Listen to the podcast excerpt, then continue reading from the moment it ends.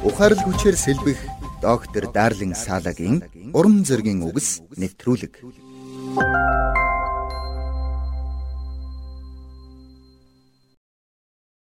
Хамгийн үзэсгэлэнтэй сайрыг Энэтхэгийн Варанаси хотод уралдаг гэж үздэг. Алтлаг шар, мөнгөлөг цагаан, гал улаан, гүн цэнхэргээд өн гүнгийн тэр бүх сайрнуудыг Энэтхэгийн өнцөг булан бүрээс хурмаа хийх гэж буй бүсгүйчүүд худалдан авдаг ажээ. Сонирхолтой сайрыг хоёр хүн хамтран уралдаг байна. Эцэг нь тусгаалan бэлдсэн давцсан дээр гарч суудаг бол хүүн түүнээс хэдхэн алхмын зайтай газарт суудаг байна. Эцэг нь өөрийгөө тойруулан бүх утаснуудаа байрлуулж хүүрүүгээ толгой дохих үед хүүн замыг нааш цааш хөдөлгөж эхэлдэг байна.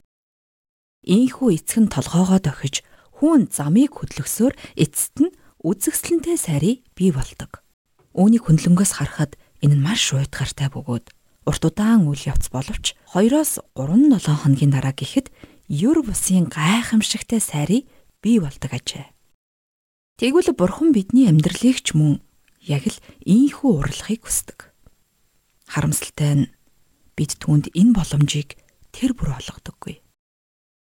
Бидний амьдралын өнгө бодгийг өөрийнхөө зориг төлөвлөгөөний дагуу сонгож урлагийг бид түүнд зөвшөөрдөггүй.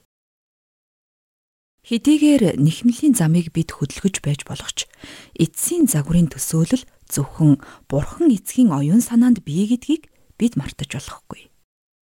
Сайрын нэхэж буй хүү зөвхөн эцгийнхээ толгой тохилтын дагуу ажилдаг шиг бид ч бас тийхүү амьдрах учиртай юм. Сайрын нэхэх үед хүүн эцгийнхээ зааврын дагуу ажиллахгүй бол яах вэ? Хэрвээ хүүн эцгийнхээ заавраас зурж хар биш дан алтлаг өнгийн утсаар оёх юм бол ямар үр дүнд хүрэхийг та төсөөлж байна уу?